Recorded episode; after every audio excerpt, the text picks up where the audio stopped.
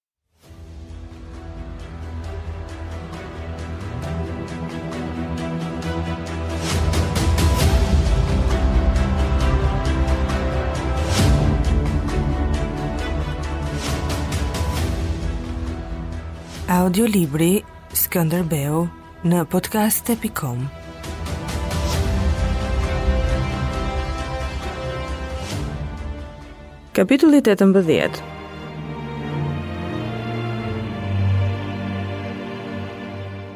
Gjergj Pelini do të shkonte në këmbë të Skënderbeut në këshillin e princave të krishterë në Mantovë. Ai duhej të hetonte në ç'pikë gjendeshin punët e kryqëzatës dhe ç'duhej të bënte për mbretërinë e Napolit. Piu i dytë e quante Skënderbeun bir i zgjedhur, zot i Arbërisë, mburojë e krishterimit, Pelini duhej të shihte se deri ku puqeshin këto thënie me të vërtetën. Me fjalë të tjera, Pelini duhej të bënte për Skënderbeun një sqarim të përgjithshëm të gjendjes. Pelini nuhaste që në Krujë shijen e zbulimeve dhe intrigave të vogla e të mëdha që do të bënte në Mantovë. Në praninë e Skënderbeut përpiqej ta merrte punën ngadalë, po i ndrinin sytë larg dhe meqë ishte për rrugë, donte të nisej. Ishte treguar i devotshëm, i palodhur gjatë dymbëdhjetë vjetëve që nga koha e Traktatit të Venedikut dhe nuk i ndahej qëllimit kurrë, por me zellin e tij të vrrullshëm kishte ngjarë të shkonte tej porosive dhe të bëhej i rrezikshëm. Kur ndodhte kështu Skënderbeu heshte, kthente kokën mënjanë për të treguar pakënaqësinë, pastaj e shikonte ndër sy abatin që zbehej dhe që të dy e dinin se nuk duhej thënë më tepër. Nga ajo që do të sjellë prej andej, do të dimë se çfarë duhet të bëjmë, mbase për 5 vjet me radhë, tha natën e fundit Skënderbeu. E tha këtë në mes të bisedës, duke kapur në befasi abatin që hante e pinte për qejf. Abat Pelini u kthye në Krujë pas 3 muajsh dhe solli atë që duhej edhe ca më tepër. Të 200 oborret e përfaqësuara në Këshillin e Mantovës ishin betuar se kësaj herë do të piqnin në hell ujkun e murrmë të Anadollit. Për t'u dhënë delegatëve zemër, papa kishte mbajtur fjalim përdëllyes. Ndër të tjera kishte thënë, Turkut do t'i bëjë ballë Gjergj Kastriot Skënderbeu dhe grushti shumë i fortë i Arbërisë. Por kur erdhi fundi, si gjithnjë, askush nuk doli në pyll për ta kapur ujkun dhe as për të prerë drutë e zjarrit. Si e pa këtë Papa, i shkroi Sulltanit një letër. Ai e ftoi Mehmetin të pagëzohej i krishterë, të ulte kokën e të pranonte autoritetin papnor.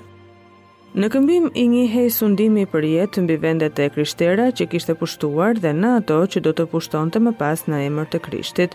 Skënderbeu mendoi se s'kishte asgjë të për të shtuar në ato që thoshte abati. Ati i shenjtë kishte vendosur të shpallte madhërinë tuaj strateg të përgjithshëm të kryqëzatës, komandant do të jetë duka i Burgonjës, tha Pelini. Fare mirë, tha Skënderbeu. Ky mendim për strategun e kryqëzatës ishte përmendur për herë të parë nga Kalisti i tretë në vitin 1457. Skënderbeu e kishte menduar shumë herë këtë, ndërsa do të ishte i lumtur të drejtonte forcat e Europës kundër Mehmetit, ai e ndjente se kjo nuk do të bëhej dhe përsëri besonte në të. Herë-herë i dukej se dikush tjetër ëndërronte me kokën e tij për këtë strategji, për këtë kryqëzat. Tani, Piu i Dytë, e shfaqte këtë si një vendim të menjëhershëm, por ky ishte një papë, fantazia e të cilit lëkundej në kufijtë e të pamundurës, derisa arrinte të ftonte për pagëzim, Sulltan Mehmetin. Skënderbeu e shihte me kureshtje Pelinin, dukej se ai mbarte lajme të tjera me rëndësi që do t'i shfaqte ngadalë. Çfarë mendon papa për mbretin e Napolit, pyeti Skënderbeu. Mendon se duhet të ndihmohet, tha Pelini. Nga kush? Nga duka i Milanos dhe ushtria e papës. Fare mirë, tha Skënderbeu. Ai nuk besonte në këtë ndihmë. Ferdinandi, trashëgimtari bastard i Alfonsit, Po thyhej e tërhiqej përpara kryengritësve, po shkëputej njëra nga shtyllat mbi të cilat do të ngrihej kryqëzata. Ati i shenjtë do të shpallë së shpejti datën e kryqëzatës, tha Pelini.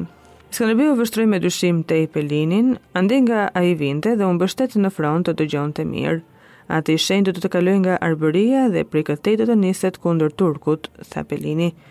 Dukej se deri aty ai kishte folur si me hua për lajmet nga Europa, kurse tani po hynte në thelbin e asaj që ishte kryesorja dhe fërkoi gjoksin me dorë, gjë që e bënte shpesh kohët e fundit. Ati i shenjtë dëshiron të kurorëzojë madhërinë tuaj, mbret të Arbërisë, kur të vijë këtu për kryqëzatën, tha ai.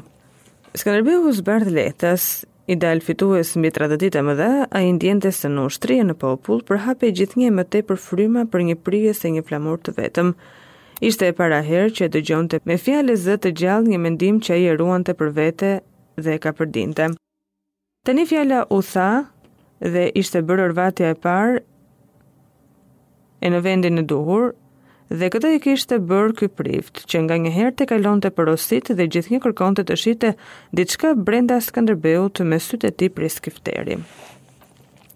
Ai i kishte folur papës për dëshirën e popullit që të bashkohej nën Skënderbeun për dobinë e krijimit të një shteti të fortë kundër Turkut dhe kundër armiqve të hapur e të fshehtë të Selisë së Shenjtë. Vijoi një heshtje që po bëhej e rëndë Skënderbeu, mbreti i Arbërisë së Bashkuar, ky paske qenë synimi i abatit në vite dhe të cilit nuk i ishte ndarë. Skënderbeu po e shihte në sy dhe abati i qëndroi shikimit, ngriti gishtin ndaj qiellit dhe tha, Papa është i vetmi autoritet ligjor që kurorëzon dhe shkurorëzon, që ndan kufijtë e shteteve dhe bekon luftën e paqen. I kishte kaluar dhimbja në zemër, ndjente nevojën për ajër e për të bërë shaka.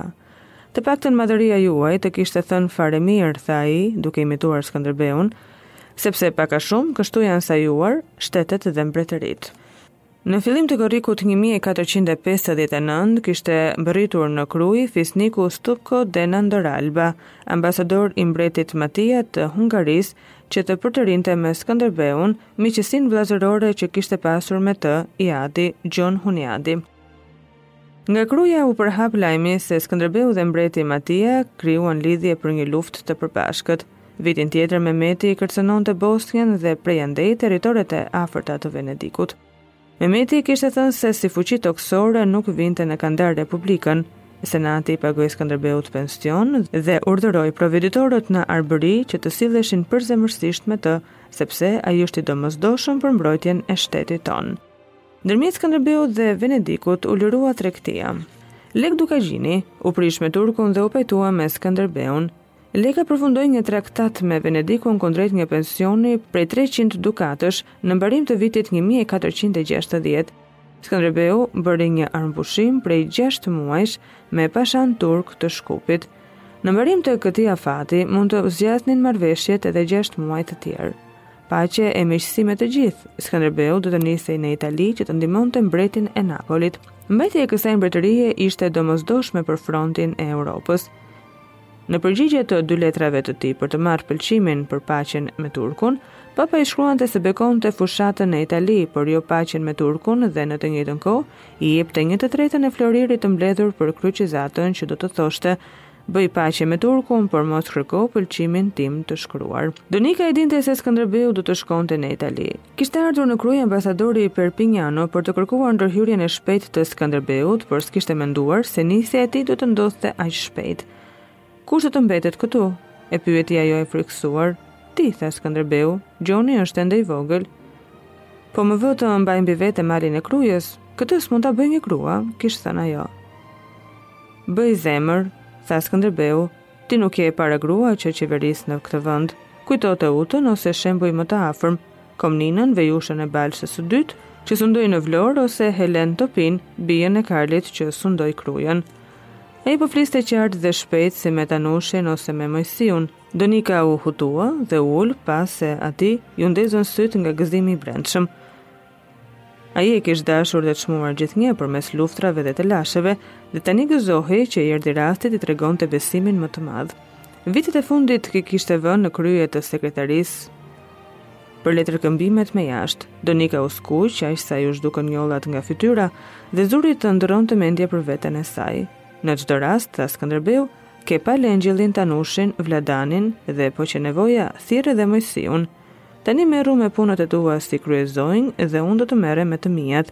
Ai punoi natë e ditë që të përgatiste ekspeditën, nga e cila duhej të dilte me çdo kusht faqebardhë.